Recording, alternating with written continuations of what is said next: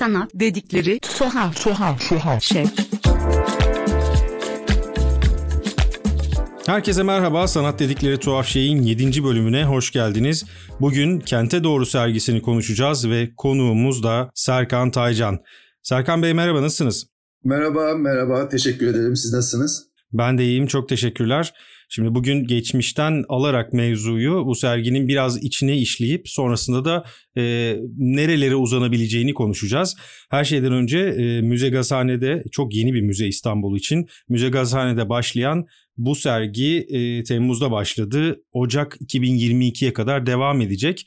Kente Doğru sergisi bunun bilgisini verelim ve e, şimdi biraz sözü size bırakalım. Bu serginin ortaya çıkış tarafı neydi? Yani neden bu e, biraz sonra belki açıklayacağımız dört proje, dört bölüm bir araya geldi ve biz Kente Doğru sergisini nasıl oluşturduk? Nasıl görmeye başladık? İBB ile e, ve Müze Gazhane ile nasıl bir bağlantı kuruldu? E, bunun arkasında neler vardı? Kısaca açıklamaya çalışayım çünkü uzun bir süreç e, ve bu bayağı uzun yıllara yayılan e, bir e, e, yıllara yayılan çalışmalardan oluşan bir sergi olduğu için belki işte diyalogumuzun ileriki kısımlarında biraz daha açarak e, devam edecek, e, daha iyi anlaşabilir, anlatabilirim belki ama kısacası şu, e, işte sergi dört bölümden oluşuyor. E, bu dört bölümün her biri de aslında e, daha önce e, bir galeri ölçeğinde sergiler olarak her biri bağımsız sergiler olarak sergilenmişti. Hatta e, birisi ikisi beraber de e, sergilenme imkanı bulmuştu. E, hepsi birbirine bağımlı e, ve kentleşme ekseninde olan e, projeler bütünü. E, ancak Müze Gazetesi'nde gerçekleşmesi hikayesi ise e, dediğim gibi benim kafamda zaten e, bunların hepsini birleştirmek vardı. Birazdan da anlatmaya çalışırım. E, Müze Gazetesi'de işte malum İstanbul'un ve Türkiye'nin e, önemli endüstriyel miraslarından bir tanesi. Hem de e, Kadıköy'de olması ve İstanbul'a yeni bir ses soluk getirebilecek potansiyele sahip olması. E, ayrıca mekanın da kendi karakteri e, hem endüstriyel e, karakteri hem de e, 600 metrekareye yayılan yani işte bu içerisindeki sergi salonu 10 metreye 60 metrelik bir sergi salonu. E, biraz hani dinleyiciler de kafalarında canlandırabilsinler diye söylüyorum. İşte e, bu 600 metrekare İstanbul'da çok az e, sergi mekanında bu kadar e, monoblok e, bir sergi yapma imkanı, hacmi var. Yani bu böyle ayakkabı kutusu gibi yani canlandırabileceksek de. E, dolayısıyla çok e, yorumlamaya elverişli bir mekan.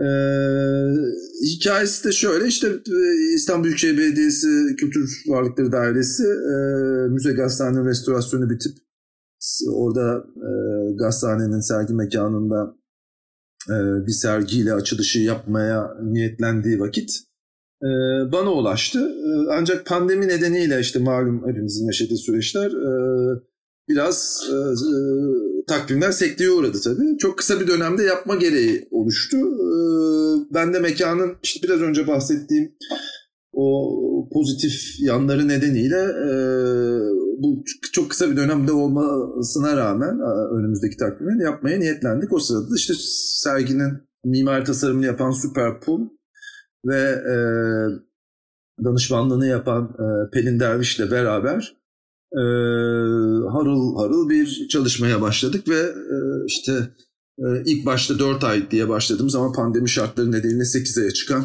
e, çünkü işte açılışın ertelenmesi nedeniyle Müze e, e, bir süreç sonunda e, sergiyi e, geçen e, ay itibariyle e, Temmuz ayı itibariyle e, açabildik ve 6 ay kalacak.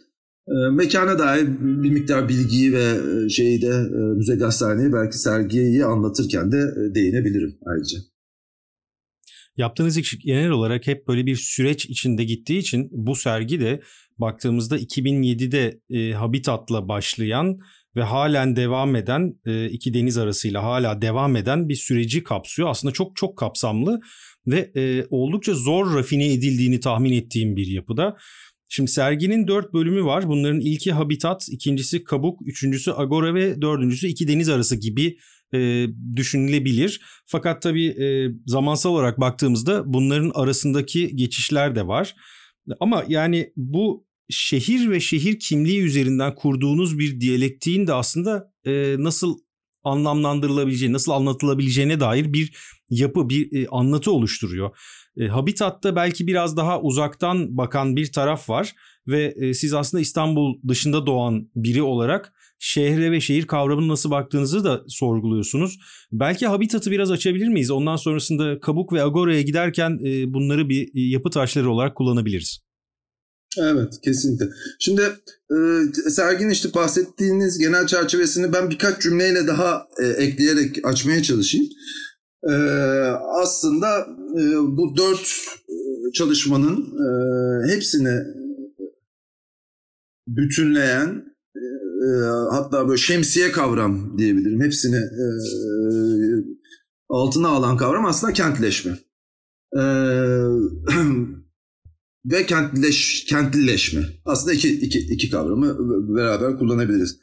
Ee, serginin ana amacı ve e, İstanbul özelinde yani işte o dünyadaki global kentler listesine dahil yani işte İstanbul özelinde e, kentleşme nasıl gerçekleşiyor, ne veçelerle gerçekleşiyor veya ne dinamiklerle gerçekleşiyor. Bunun sosyal, coğrafik, e, topografik ve de mekansal diyebileceğimiz etkilerine e, odaklanıyor. E, senin de bahsettiğin gibi e, aslında e, süreç 2007 yılından e, başlıyor. E, işte Habitat'la başlıyor. E, tek tek biraz bir miktar açmaya çalışayım Habitat'la beraber. Aslında e, burada kısa bir biyografik bilgi de dahil olabilir e, bu Habitat çalışmasından bana dair kısa bir biyografik bilgi e, e, dinleyiciler açısından. Zaten bu çalışmaların hepsi aslında e, hem e, o içerisinde toplumsal ve otobiyografik biyografik öğeleri de barındıran şeyler. Dolayısıyla onu biraz bahsetmem gerekiyor Habitat özelinde. Ben e, işte üniversite öncesi hayatını e, Anadolu'nun çeşitli yerlerinde geçirmiş. Ee, e, bir e, memur işçi çocuğuyum. E, dolayısıyla e, babam e, ve ailemin e, işi nedeniyle e, çok çeşitli yerlerde e, Anadolu'da tecrübe etme şansım oldu. Okuldan okula taşındım yani. Bu çok e, e paylaşılan bir hikayedir çoğumuzda. Ee, ve ardından İstanbul'daki işte, e, mühendislik öğrenimi, şehir planlama mühendislik öğrenimim e, ardından ve o sıralarda fotoğrafla e, uğraşmaya başladım. E, bu amatör belgesel fotoğraf e, uğraşı beni e, üniversiteden sonra bu yönde eğitim almaya kadar sürükledi. İsveç'te e, bir belgesel fotoğraf okulunda e, bir eğitim aldım e, ve çok ciddi anlamda hayatımı ve vaktimi bu işe e, adıyordum ve ardından zaten e, işte editoryal fotoğraf ve e, basın fotoğrafı dahil olmak üzere profesyonel anlamda da fotoğrafı yapmaya devam ettim. Şimdi tabii bu hikayeyi şu için şunun için anlatıyorum aslında. E, bu habitat çalışması da aslında bununla çok alakalıydı. 2010 yılında özür dilerim 2007 yılında e, yani bundan kaç sene oluyor? E, 14 sene önce 14 sene önce biraz böyle yani dinleyicilerin de hafızasına e, e, biraz e, güveniyorum. O, 14 sene öncesine bir geri dönüş yaparsak işte Türkiye'nin e, ve İstanbul'un özelde işte Avrupa Kültür Başkenti olmaya doğru gitti. İşte Avrupa Birliği ile e, yoğun bir e, diyalog sürecinin olduğu e, Türkiye'nin ekonomisinin bugünle karşılaştırılınca daha imser olduğu bir döneme denk geliyor. Ben de o dönemin daha öncesinde üniversiteyi bitirdim. İşte bu anlattığım süreci bitirdim. E, bir profesyonel e, fotoğraf hayatından sonra daha çok hani sergiler yapan e, işte o zamanki galeri elipsis yani işte sanat podcast'ı olduğuna göre arkadaşlar belki dinleyiciler de hatırlayacaklardır. Galeri elipsis'te Türkiye'nin e, ticari belki de en gelmiş geçmiş en ciddi fotoğraf sadece fotoğraf galerisinde sergiler yapmaya başlamıştım. Tam da bu 2007 sürecinde işte tam bu arada 30 yaşıma gelmemle beraber e, e, aslında bütün yaratıcı süreçlerle ilgilenen insanların e, paylaştığı bir kimlik ve aidiyet e, sorusuna cevap vermek için ve ya daha daha doğrusu cevap vermek, yeni sorular sormak için e, bu anlattığım yani üniversite öncesi hayatımın geçtiği noktalara dair e, gidip böyle bir fotoğraflar çekmeye, biraz bu soruların etrafında yeni görsel imgeler aramaya, bir çeşit yol macerasına çıkmaya, hani işte bir böyle beat kuşağı beat edebiyatında da vardır böyle hani şeyler, kavramlar, işte o motifler. E, öyle bir maceraya çıkmak için yaklaşık 3 sene boyunca çeşitli defalar Anadolu'nun Ankara'dan doğusu diye tarif edebileceğim yerlerine seyahatlerde bulundum. Şimdi tabii bir podcast olduğu için burada görüntüler görünemiyor. Belki internetten bakıp birkaç görüntü görebilirler dinleyiciler. Bunlar böyle daha donuk, mesafeli e, portreler ve peyzajlardan oluşan bir Anadolu manzaraları. E, Anadolu haleti ruhiyesi diyelim yani buna böyle taşra haleti ruhiyesi. E, spesifik olarak belli mekanları anlatmaya, onları e, ifade etmeye, açıklamaya e, niyeti olmayan yani böyle e, işte e, daha çok bir e, sinematografik bir izlenim e, gibi, deneme gibi, şiirsel e, imgeler diyebiliriz bunlara hani fotoğraflarla olan bir seri fotoğraf ürettim. Bu da yaklaşık 2007-2009 arasına denk geliyor. 2009 yılında da bunu Elipsis Galeri'de sergiledim. Ardından e, süreç başka noktalara evrildi e, ve e, işte kente doğru yani bugün sergilediğimiz kente doğru sergisinin daha sonraki işlerini e, bir başlangıcı oldu. O, o dönemde çok da emin değildim böyle bir şeyin e, yani ilk aşamada e, habitatı yaparken böyle nihayetleneceğini ama bir, bir seziyordum e, kısacası. E, habitat kısmını böyle özetleyebilirim. Buradan zaten ilerlediğimiz zaman da o kente doğru mantığını biraz daha görüyoruz. O yüzden belki Habitat bunun önemli bir ilk adımı olarak sergide de karşımıza çıkıyor ama bu kente doğru isminin iki anlamı var. Yani bundan bahsetmiştiniz daha önce. Bu iki anlamı belki biraz açıklarsanız bize sonrasında kabuk kısmını daha e, iyi bir şekilde özetleyebiliriz gibi geliyor. Evet, evet, evet harika. Şimdi şöyle hemen ilk soruya şeye soruya cevap e, kente doğru serginin ismi e, işte birin aslında kente doğru e, İstanbul'un Türkçeleştirilmiş hali. Nasıl? Biraz böyle yine kulaklara garip gelecek ama e, işte İstanbul, İstanpolin yani eski Grekçe. Yani e, işte poli, polis, kent, e, İstanpoli. Hani ben Grekçe bilmiyorum ama Yunanca e, okuduklarım nihayet sonucunda e, ista eki yani işte doğru yani towards yani İngilizce diyebilirim. Towards the city. E, kente doğru. Yani aslında e, bu işte e, iki Yunan'ın, iki Grey'in e, aralarında konuştu. Nereye gidiyorsun? İşte polise gidiyorum. Yani polis the city Yunan medeniyeti için malumunuz yani işte tek bir kent var. O da İstanbul. Ee, yani bugünkü İstanbul tabii ki. O zaman polis. Ee, iki Yunan birbirleri arasında konuşurken nereye gidiyorsun? İstanpoli, İstanpoli işte kente doğru gidiyorum, kente doğru. İşte Türk ve Osmanlı tebaasından gelen halk bunu duyunca işte bu kent neresi? İstanpoli. Yani İstanbul. İstanbul böyle dönüşe dönüşe İstanbul'a dönüşüyor. Yani özetleyecek olursam aslında e, serginin ismi e, İstanbul. Sergin ismi İstanbul aslında. İkinci referans ise e, şu. E, İngilizcesi Towards the City. E, bildiğiniz işte e, gibi. Kente doğru. Towards the City. E, Le Corbusier'in e, çok işte malum modernist e, dünya mimarlık tarihinin en önemli figürlerinden bir tanesi. Le Corbusier'in işte en önemli başucu, işte mimarların başucu eseri, mimarlık, modern mimarlık tarihini etkilemiş eseri Towards an Architecture. Ee, bir mimarlığa doğru. Ee,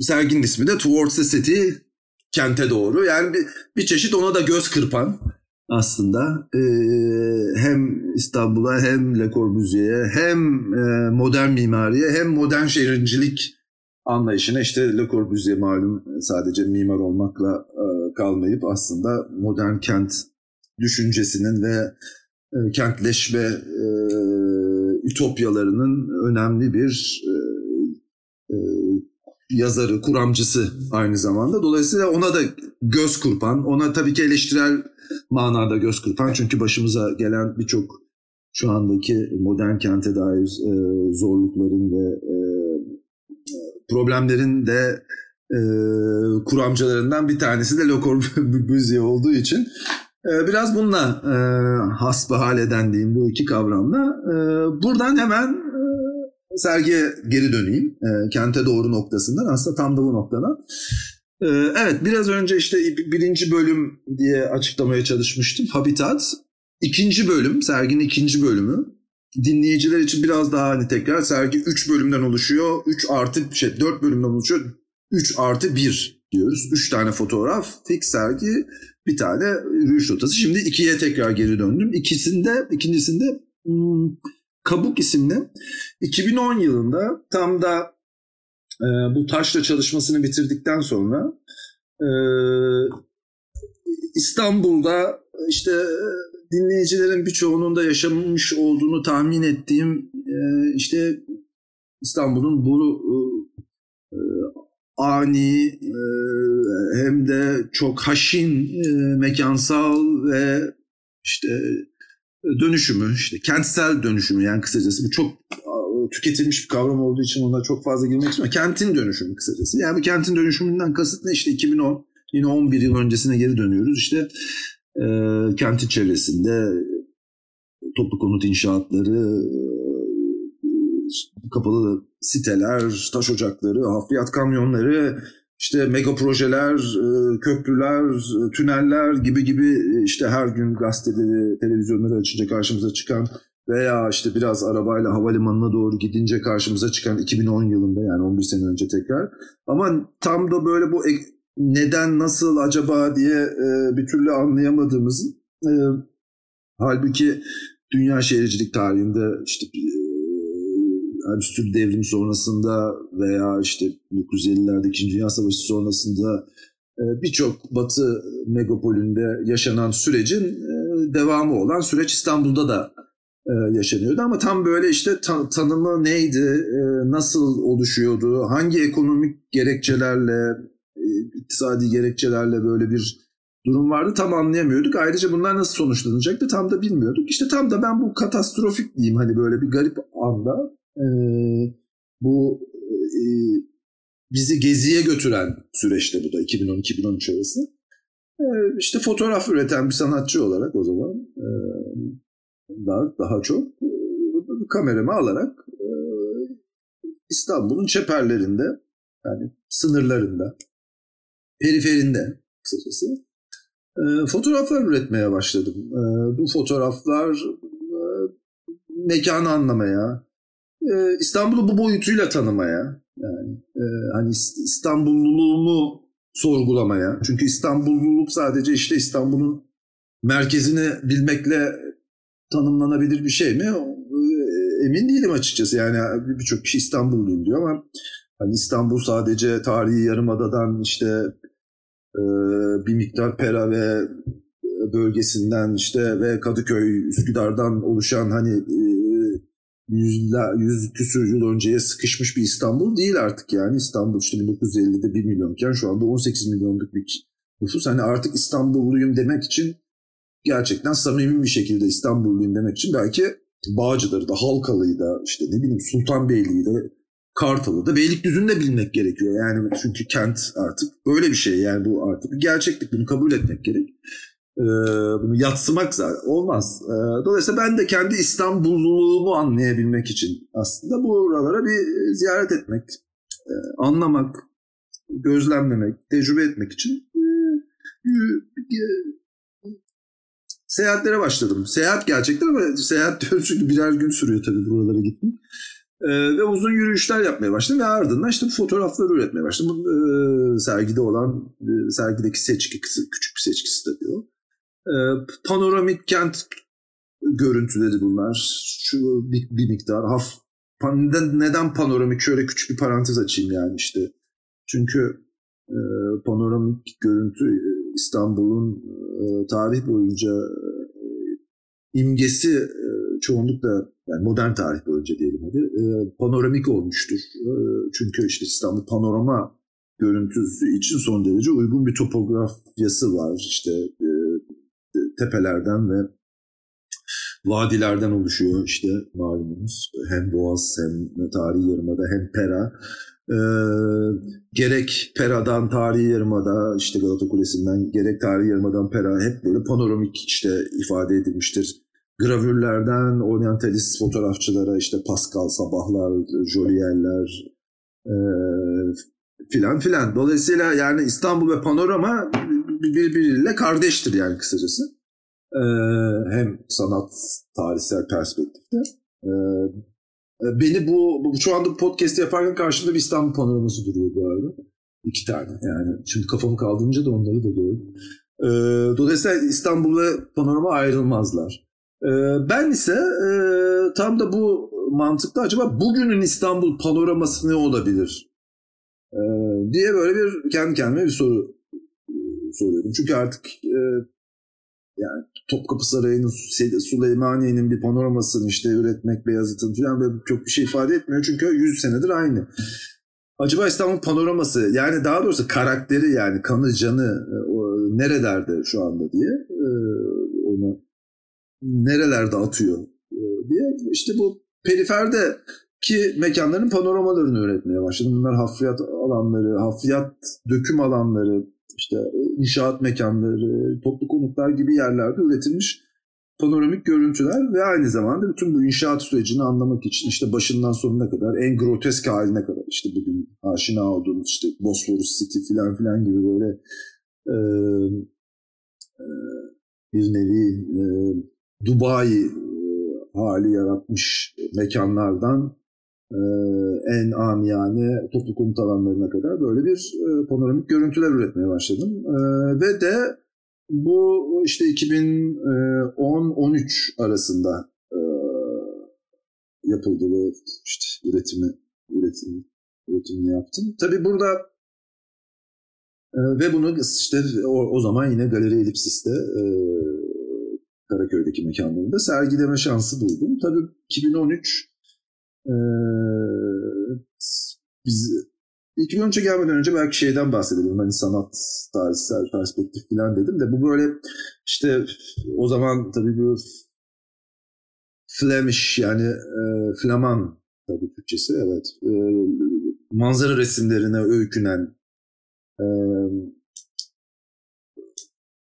böyle doğa insan ilişkisini Alman romantik çiziminden, resiminden alıp bugünlere kadar e, anlamaya çalışan işte land art'tan e, e, işte bilinen land art figürlerinden e, e, üretimlerinden etkilenen işte bütün arazinin dönüşümü, hafriyatın, mekanların, madenlerin e, dönüşümünü anlamaya çalışan şeylerden de etkilenen bir işte e, anlayışla üretmeye e, çalıştım, öykündüm diyeyim. 2013'e ee, geri dönecek olursam 2013'te e, dinleyicilerin de malum aslında Temmuz, Hazir, pardon Mayıs, Haziran ayları bizim e, İstanbul'daki hayatımızı derinden etkileyen, dönüştüren, Türkiye siyaset tarihini ve bölge siyaset tarihini de derinden etkileyen Gezi e, Parkı e, direnişinin e, olduğu tarihler. Ben de bunu e, 2013'ün başlarında sergi dedim bu e, sergi. Yani dolayısıyla şunu söyleyebilirim. Ben işte bu araştırma diyebileceğim bu sergi görsel araştırma e, bir çeşit aslında e, hepimizde oluşan bu duyarlılığın e, benim tarafından bir refleksiydi. Yani ne, ne, ne oluyor, ne bitiyor anlamaya çalışan ve hepimizi o geziye götüren, parka doğru adım atmamızı sağlayan yani bizi bir magnet gibi, bir mıknatıs gibi oraya doğru çeken etkinin de bendeki yansımaları diyebilirim. Dışa vurumuydu belki de daha iyi bir tabirle e, diyebilirim. E, ve o süreçte de zaten e, hem işin içerisine e, çeşitli disiplinlerden insanları da dahil ederek bir araştırma e, pratiğine doğru e, yönelmeye başladım. İşte Jean-François Peruz, kent coğrafyacısı, işte Fransız Anadolu Araştırma Enstitüsü'nün direktörüydü o zaman. E, haritacı. Onunla beraber de onun önerileri ve yönlendirmesiyle de İstanbul'un çeperlerini anlamak için bayağı yol aldım. O sırada da işte bir harita da hazırladım. E, bu harita fotoğraf çektiğim yerlerde e, iki mekanları e, İstanbul haritası üzerine işaretliyordu. O tam da o sırada Süperpool'un işte Garanti Galerisi ile beraber yaptığı Mapping İstanbul isimli kitapta birkaç sene olmuştu e, yayınlanalı. O da beni çok etkilemişti. İçerisindeki bütün o grafikler ve e, İstanbul'u anlamaya e, İstanbullaşmak sergisi tabii ki o sırada e, Salt'ın ilk açıldığı zamanlar belki hatırlayanlar olur. Daha önemli bir etki yaratmıştı. Belki hani şeyi de söylemek gerek. Ekümenopolis, İmre Hazem'in filmi. E, yani bu bunlar zaten işte e, bu kavramları oluşturmak için e, önemli etkilendiğim alan üretimlerdi. E, derken harita meselesine geri döneceğim. Oradan bağlayacağım e, kabuk kısmını. O haritanın üzerinde de işte Superpool'dan aldığım Mapping İstanbul kitabından ödünç aldığım haritanın üzerine fotoğraf çektiğim yerleri işaretlemiştim. E, ve böylece bir İstanbul'un e, çeperindeki dönüşümü anlamak isteyen insanlar için ellerinde bir harita ve buraya giden otobüs hatlarını dahi yazmıştım. Böyle küçük bir guide. E, benim işte bu da biraz belki mühendislik ve coğrafya, e, mühendislik eğitiminden, şehircilik eğitiminden ve coğrafya ilgimden dolayı böyle bir e, guide hazırlama fikri doğmuştu. Bu daha sonra beni e, iki deniz arasına doğru götürecek sürecin e, başlangıcıydı. Onu da iki deniz arası kısmında tekrar değinmeye çalışırım. Zaten kabuk bölümünün de aslında e, söylemeye çalıştığı şey birazcık bizi şehre yaklaştıran, şehrin ana arterlerine, damarlarına yaklaştıran şeydi ama sizin burada e, şehri ele alış şekliniz daha çok e, panorama ve belki de hafriyat üzerinden. Çünkü o gün konuştuğumuzda da şunu söylemiştiniz. Şehrin damarları sanki bir şekilde şekilleniyordu o madenlerde ve hafriyat da sanki onun kanıydı gibi. Ve baktığımızda farklı mesela bir iş var orada yaptığınız işlerden bir tanesinde şehrin farklı bölgelerinden gelen toprakların bir arada bulunmasıyla oluşan bir topografik görüntü ortaya çıkmış ama bu aslında sanki bir arkeolojik yapı gibi farklı katmanlar yan yana gibi duruyor. Bu farklılaşmayı yani dönüşüm fikrini biz Agora'da insan üzerinden çok daha fazla görüyoruz. Çünkü orada yaptığınız şey kent meydanları içinde ya da kent e, toplanma alanları içinde kurduğunuz bir anlatıydı ve biraz önce bahsettiğiniz işte hatta sergide Bruegel örneğinden bunu konuşmuştuk. Ee, insanların yaşayışları ve insanların neler yaptıklarına dair küçük ipuçları veren görsellerle kurduğunuz bir yapı vardı. Bu Agora meselesini biraz açabilir miyiz? Çünkü Agora'da çok enteresan bir şey var. Çünkü burada ilk defa yani aslında habitatta görüyoruz insanları ama orada insanlar daha çok sanki o üniformaları, o fikirleri taşıyan yapılar gibi gözükürken Agora'da kendileri gibi ve artık insana odaklı bir bakış açısıyla gördüğümüz bir şey var ve bunu bir noktada AVM'ler gerçeğiyle de bağladığınız bir yapıya geliyoruz. Belki bunu konuşup sonrasında iki deniz arasına gidersek bütün meseleyi çok daha iyi özetleyebiliriz gibi düşünüyorum. Evet, teşekkürler Sinan. Teşekkürler. Şöyle, sağ ol çok da güzel bir gözlem. ee, şöyle, e, tam da dediğin gibi aslında yani işte belki şey Agora'nın biraz hikayesini anlatayım ve senin dediklerine bir, de bir, bir yerde kesiştirmeye çalışayım. Ee, şöyle e, tam da bu e, çeperi yaptıktan sonra e, yani işte 2013 e, sergiledikten sonra gezi sürecinden sonra e, bu arada e, tam da bu noktada şeyden de bahsetmek gerekiyor. Yani aslında bütün serginin ana omurgasını gezi oluşturuyor. E, e,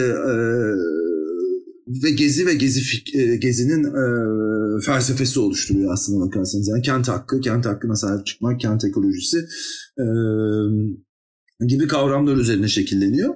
İşte Agora da tam burada e, devreye giriyor. Evet birinci de taşra, ikinci de kent çeperi ve üçüncü de ne gelecek? Tabii ki yani bunu zaten yapmayı istiyordum. Kent meydanları.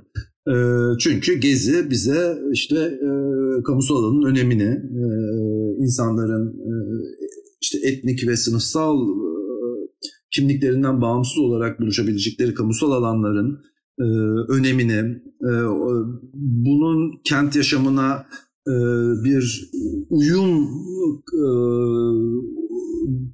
yaratacak katkısını çünkü insanlar hem zemin ilişkiler geliştirebiliyorlar kamusal. Giriş çıkış kimsenin sınırlaması bir meydana girmek için kimsenin izin almanız gerekmiyor. Dolayısıyla karşılaştığınız anda konuşmasanız bile bir temas oluşturmuş oluyorsunuz ve bu kentte bir e, uyum, bir tolerans ve, e, ve, ve demokrasi kültürüne e, katkı e, doğuruyor. İşte zaten işte bütün agora, forum gibi yani işte demokrasi kavramlarının en önemli, demokrasinin en önemli kavramları, en önemli mekanlarından e, buradan geçmesi de zaten e, normal.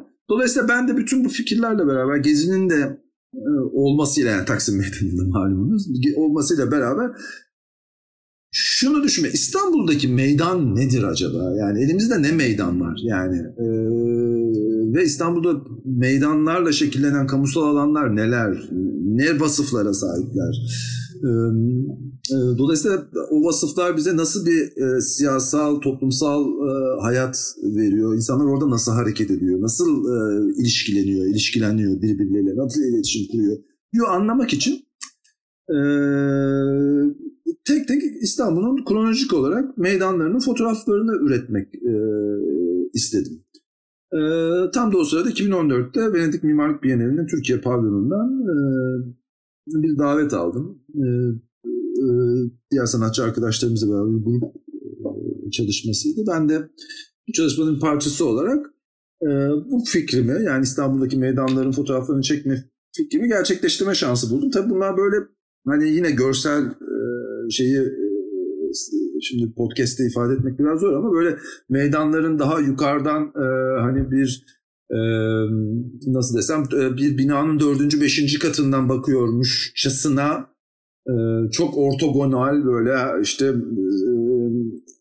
e, e, kuş bakışı diyemeyeceğimiz ondan biraz daha alt e, kodda e, hem insanları hem mekanı algılayabileceğimiz e, e, fotoğraflar Hani bunun şey örneğini vereyim de insan canlansın kafada bari. İşte, işte Taksim Meydanı fotoğrafı işte e, nasıl, nereden çekildi, e, şeyin Taksim Maksemi'nin yani su dağıt, işte Maksem binasının şu anda arkasında cami yapılan bina. O zaman 2013'te cami yapılmamıştı da. Maksem'in üstünde bir 3-4 kat yukarıda bir yerden çektiğinizi düşünün bina kotunda.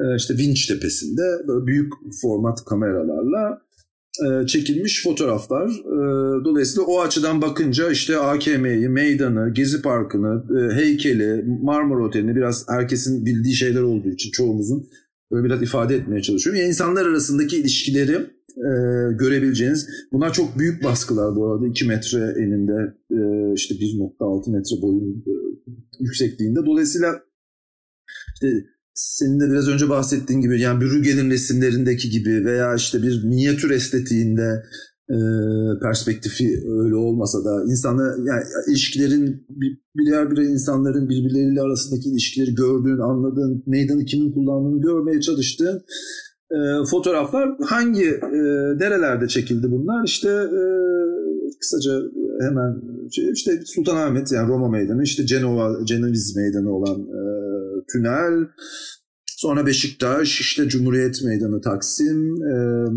e, ardından 1950'lerdeki e, işte Şişli Camii'nin yapılmasıyla oluşan meydan ve günümüzdeki işte Cevahir Alışveriş Merkezi'nin önündeki meydan gibi olan yer neyse artık o bir alışveriş merkezi işte yani kamusal alanın ticarileşmesi sorularını da beraberinde getiren. Bunu Venedik'te böyle sergilemiştik. Ardından işte İstanbul'da Pilot Galeri'de tekrar sergileme şansı bulduğumda iki tane daha ekledim. Bunlar da Ümraniye e, ve Cevahir Alışveriş Merkezi'nin içiydi. E, onun da kendisine işte bir agoramsı bir havası ve işte kamusal mekanın ticarileşmesi, AVM'lerin e, e, nasıl kamusal alan olduklarına dair işte var olan e, tartışmalara bir e, cevap veya işte bir katkı niteliğinde. E, de, e, bunda sergi mekanında üçüncü parça olarak bir heksagonal bir alanın içerisinde böyle e, kendisi de bir meydancık olarak tasarladığımız mekanda sergiledik. E, e, ve böylece işte e, o üçlemeyi yani çepe, e, taşra, kent çeperi, kent meydanı olan e, ama fotoğraf temsillerinden oluşan üçlemeyi sergide e, e, mekanda kurgulamış olduk. E, toplam bütün bu çalışma fotoğraf çalışması 2007'den 2014'ün sonlarına kadar yapılmıştı. 7 sene sürmüştü. Böylece bir kafada da umarım birleşebilmiştir dinleyicileri.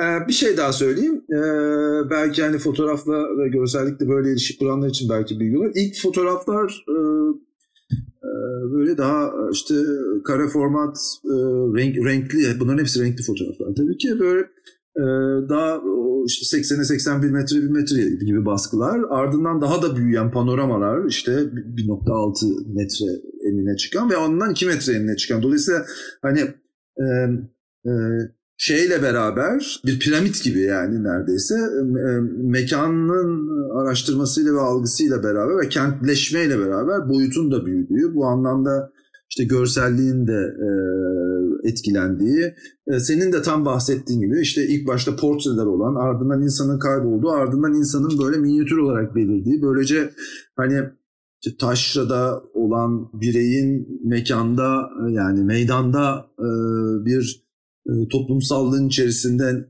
e, e, eridiği, kaybolduğu diyemem ama eridiği, onunla bütünleştiği veya bütünleşemediği işte neyse ilişkiye kurduğu bir e, yapı kurmaya çalıştım. Böylece bir görsel e, zincir de var bunların arasında kısacası. Zaten Agora'da şöyle enteresan bir şey var. Onun özelinde bir e, küçük bir yorum yapayım. Şimdi burada Gezi Parkı olaylarının, Gezi direnişinin büyük bir kırılma yarattığını biliyoruz yaptığınız işlerde. Zaten siz de bahsettiniz. Agora'da ise bu fotoğrafların arasında Gezi Parkı yok bir meydan olarak ama bu işin evveliyatını birazcık düşündüğünüz andan itibaren her gördüğünüz görselin içinde bir noktaya ben en azından kendi kafamda o imgeyi yerleştirmeye başladığımı fark ettim.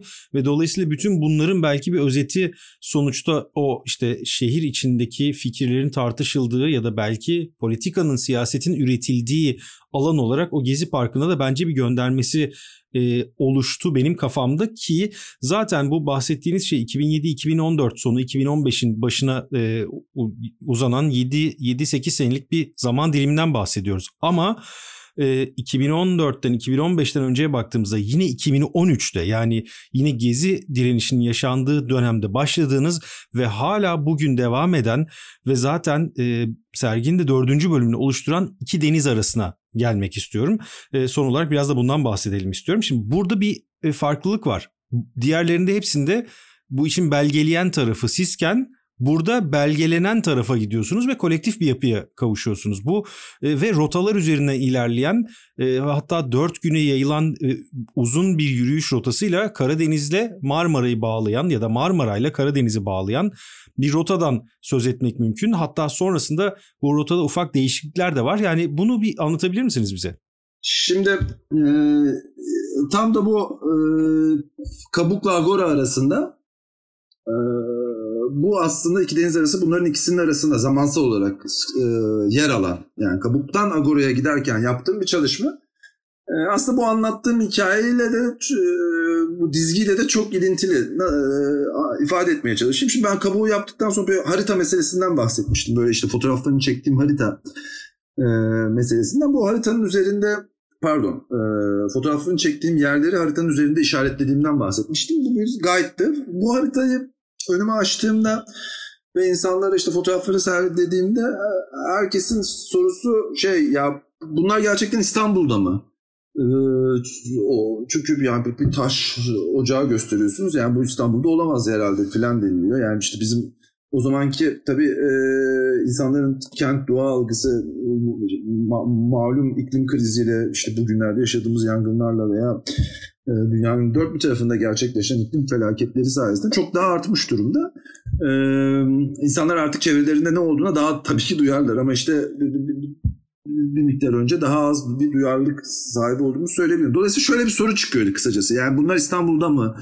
Ya yok inanmıyorum. Ee, olmaz böyle şey filan. Ya bakın işte e, şuradan taksi atlasak 15 dakikada gideriz e, e, desem bile inandıramadığım e, durumlar oluyordu ve orada e, yani fiziksel olarak bulunmanın gücü de başka türlüydü yani duygusal gücü. Çünkü siz o zaman tabii ki mekanda bütün bu hafriyatları, tüm bu inşaatları ve e, olan biteni gördüğünüzde aslında kentin merkezinde yaşayan bireyler olarak e, kent merkez cephe ilişkisinde nasıl sömürücü pozisyonda olduğunuzu e, hissediyorsunuz. Çünkü İstanbul öyle bir hale aldı ki yani dünyanın bütün büyük kentleri sadece İstanbul'da özel bir durumu çevresini sömüren işte e, su kaynaklarıyla işte İstanbul'un suyu 300 kilometre öteden Melen Çayı'ndan gel, geliyor işte yani işte, tarım işte Anadolu'nun her yerinden İstanbul'a akın akın e, gıda geliyor. E, e, ve dolayısıyla yani kendi çevresini sömüren bir yapıya sahip. E, e, bunu anlayabilmek için biraz oralarda vakit geçirmek e, gerekiyor. Bir de böyle şöyle de bir şey var. Buraya da böyle küçük bir parantez daha açayım. Yani büyük kentin çevresi böyle alt, altın alanlar olarak değerlendiriliyor. E, sanki doğa yokmuş. Doğa görmek için işte Kaçkarlara gidilmesi gerekmiş. İşte deniz görmek için Ege'ye gidilmesi gerekmiş falan gibi bir algı var ama İstanbul'un çevresinde gayet e, değerli yani değer sadece onun pastoral olmasıyla ölçülebilen bir şey değil tabii ki. Değerli, hakiki doğal e, zenginlikler e, var ve bunları da farkına varmak gerekiyordu. E, derken bütün bu işte hissiyatla beraber ve ee, bunları nasıl acaba, bu tecrübeyi nasıl acaba çoğaltabilirim? İnsanları oraya nasıl götürebilirim? Ee, gezinin de bu altını çizdiği katılımcı ruhu nasıl e, ortaya çıkarabilirim diye yürüyüş rotalarıyla ilgilenmeye e, başlamıştım. İşte Likya yolunu yürüyordum, kar yolunu, işte dünyanın çeşitli yerlerinde farklı Fransa'da falan çeşitli yerlerde yürüyüş rotaları yani uzun boyutlu işte 10-15-20 güne yayılan uzun boyutlu ve bunun e, mekanla kurduğu ilişkiyi işte yürümenin o hızının e, mekanla nasıl ilişki, ilişki biçimimizi değiştirmesini, algınızı değiştirmesini çok derinden tecrübe etmiştim. Toparlayacak olursam e, e, İstanbul Çeperi'nde bir yürüyüş rotası e, oluşturmaya karar verdim. E, bütün bu dönüşümü anlayabilmek için nasıl ki Likya yolunda insanlar Likya kentlerine işte kalıntılarına uğrayarak yürüyorlar ya 10-15 gün boyunca ben de işte İstanbul'un çeperindeki bu dönüşümü ve kültürel değerleri aynı zamanda sadece negatif anlamda değil pozitif anlamdaki değerleri de uğrayarak kentin gerçeğini anlayabilecek bir yürüyüş rotası tasarlamaya başladım. Bunu çizerken önümde şöyle bir şey belirdi birden. Yani nereden geçsin bu rota derken e, şimdi asıl mevzuya, mevzuya geliyoruz 2010 e, şey iki deniz arasını. E, 2013 yılında e, yapıldığı sırada 2013 yılında İstanbul Bienalinde ben bunu önerdiğim sırada yürüyüş rotası olarak önerdiğim sırada 2011 yılında bundan e, 2013'ten iki sene önce e, dönemin başbakanı e, Recep Tayyip Erdoğan e, Çılgın Proje isminde bir seçim vaadinde bulunmuştu hatırlayacaksınız.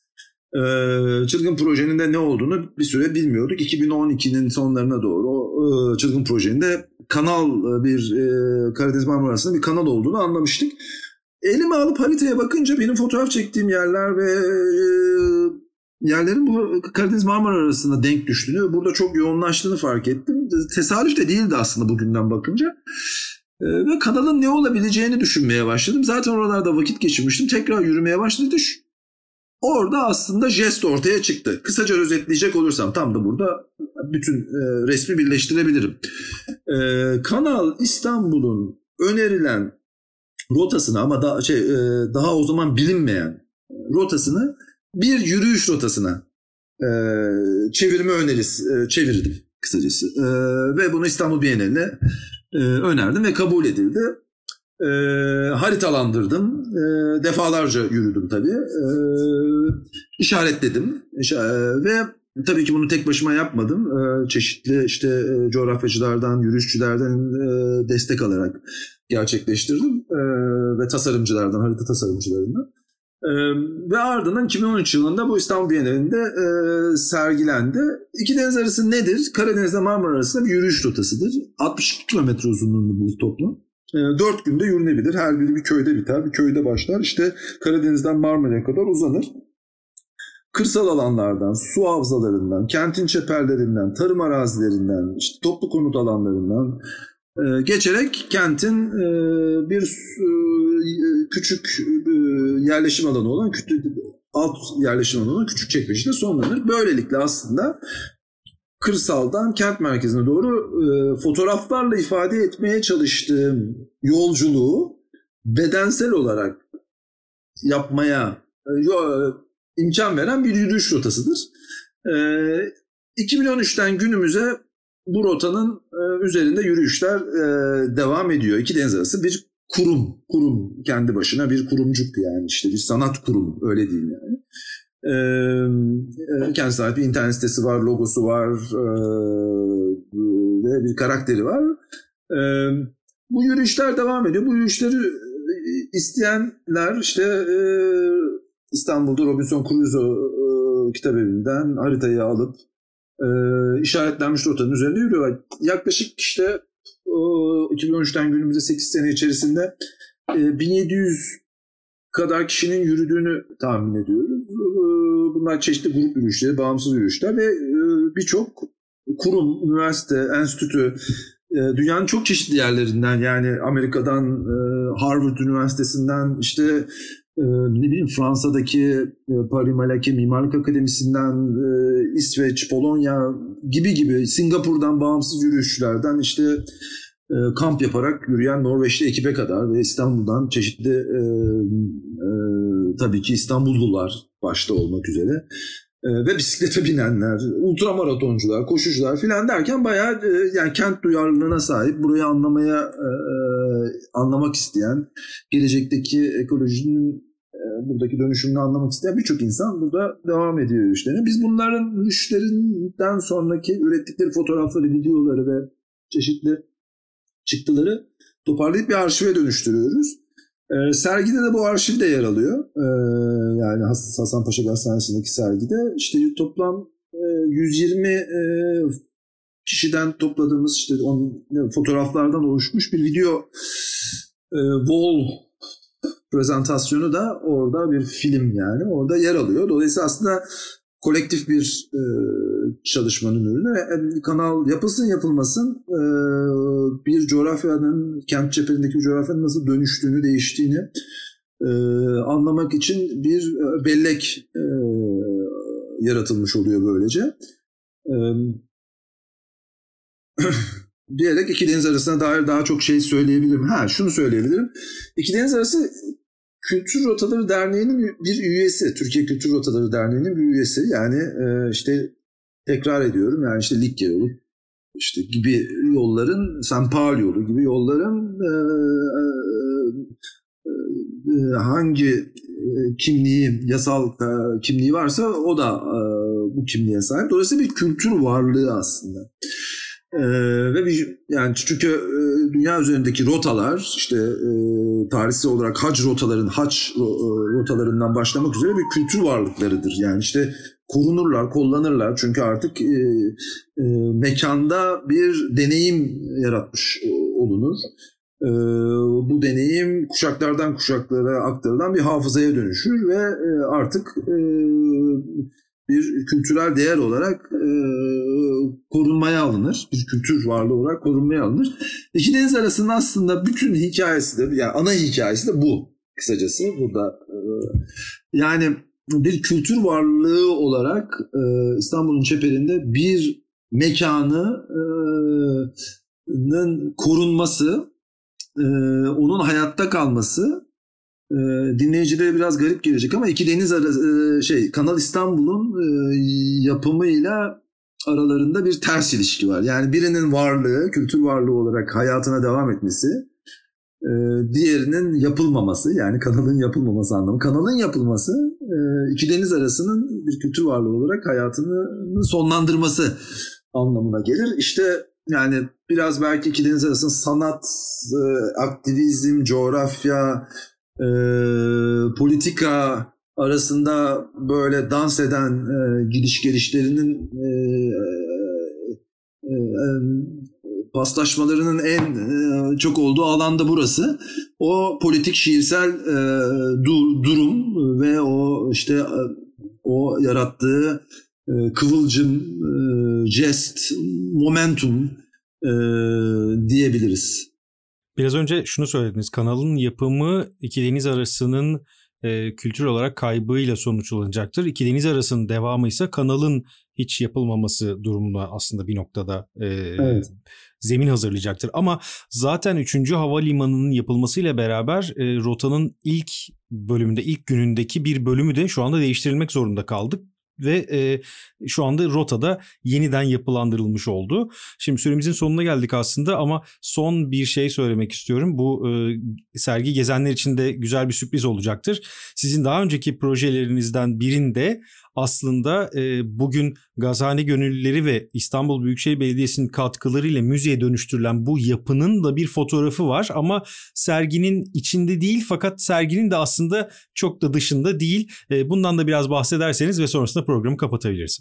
Evet çok teşekkürler. Güzel bir konu yine parmak bastınız.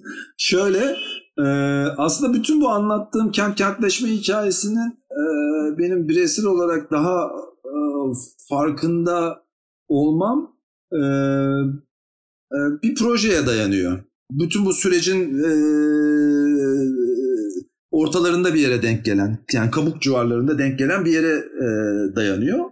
O da şu, e, tam da 2010 yılında e,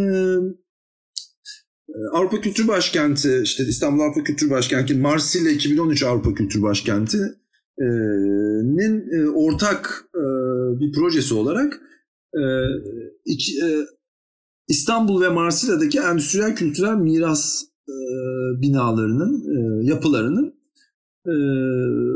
bir sergi için, bir araştırma için fotoğraflarını çektim. E, işte İstanbul'daki e, endüstri mirasının yaklaşık 30 yapıydı yanlış hatırlamıyorsam. İşte Marsilya'da da 30 yapı yaklaşık böyle bir 3-4 aylık bir çalışmaydı benim için ve çok yoğun geçen bu süreçte zaten kendi araştırmalarımla, kent araştırmalarımla paralel giden bir şeyi fark ettim. Yani işte endüstri mirasının kent için ne kadar önemli olduğunun e, farkına vardım. Aynı zamanda ama o endüstri mirasının farkına varmak işte kent teki arsanın e, işte kentin büyümesinin bu büyüme sonucu ortaya çıkan e, alanın e, bu alanda oluşan kentsel mekanın ve endüstri mirasının kapladığı yerin bir hafıza olarak burada yer almasının ve kent çevresine etkisinin farkına vardım. Bu beni işte bu Kabuğa iki deniz arasında filan filan giden yolda da çok etkilemiştir bu farkındalık kısacası. Tam da gel, geleceğim nokta şu. Tam o sırada yani bu projeyi yaparken e, endüstriyel miras fotoğraflarını çekerken Hasanpaşa Gazetesi'nde de bulundum 2010'da. 2011'de. Ve oranın da fotoğraflarını çektim. E, bu sonradan e, İstanbul'da ve Marsilya'da sergilendi ve kitap oldu. Zaten sergideki kütüphanede bu kitap da var ve fotoğraf da var. Dolayısıyla serginin yer aldığı kompleksin ve tam da binanın restore edilmeden önceki fotoğrafı serginin şu anda içinde e, yer alıyor. Bu benim için tabii e, hem bir İstanbullu olarak çok önemli. 11 sene önce harap haldeki yapının içerisinde bu muazzam büyüklükte ve güzellikte bir sergi mekanı umarım gelecekte de, çok daha iyi kullanabileceğini düşün umduğum çok ciddi potansiyel barındıran bu mekanın içerisinde e, benim sergi yapabilmiş olmam tabii beni çok böyle e, duygusal e, olarak da e, böyle etkileyen bir durum. E, bütün bu çalışmanın hepsinin orada birleşiyor olması sanki benim için böyle bir çemberin tekrar e, başlangıcına döndüğü ve halkanın orada birleştiği, düğümlendiği e, bir e, hikayeyi çağrıştırıyor. Onun için e, çok da değerli bu anlamda. Aslında kente doğru üzerinde çok konuşulabilecek e, ve tartışma yaratabilecek zaten sizin de söylediğiniz şey de buydu. Tartışmaya, konuşmaya zemin hazırlamasını amaçladığınız bir sergi ve bence amacını da iyi gerçekleştiriyor. Umarım e, izleyenler ve gezenler için de bu amacı e, gerçekleşmeye devam edecek. Ama bugünkü e, süremizin de biraz sonuna gelmiş olduk. E, çok teşekkürler e, bu konuşmaya katıldığınız, bize bunları anlattığınız için. Ee, ben teşekkür ederim. Ee, biraz uzun uzadıya anlatmış oldum. Umarım e, sabırla dinleyiciler e, sonuna kadar getirebilirler. Ben teşekkür ederim. Sanat Dedikleri Tuhaf Şey'in 7. bölümünde Serkan Taycan'la yeni sergisi Kente Doğru üzerine konuştuk. İstanbul'un Anadolu yakasında açılan ve İstanbul sanat ortamı için bence umut vadeden bir konuma sahip olan Müze Gazhane'nin ev sahipliği yaptığı bu sergi Temmuz ayında açıldı ve 2022'nin Ocak ayına kadar devam edecek. Gelecek hafta bir sonraki programda görüşmek üzere. Herkese hoşçakalın.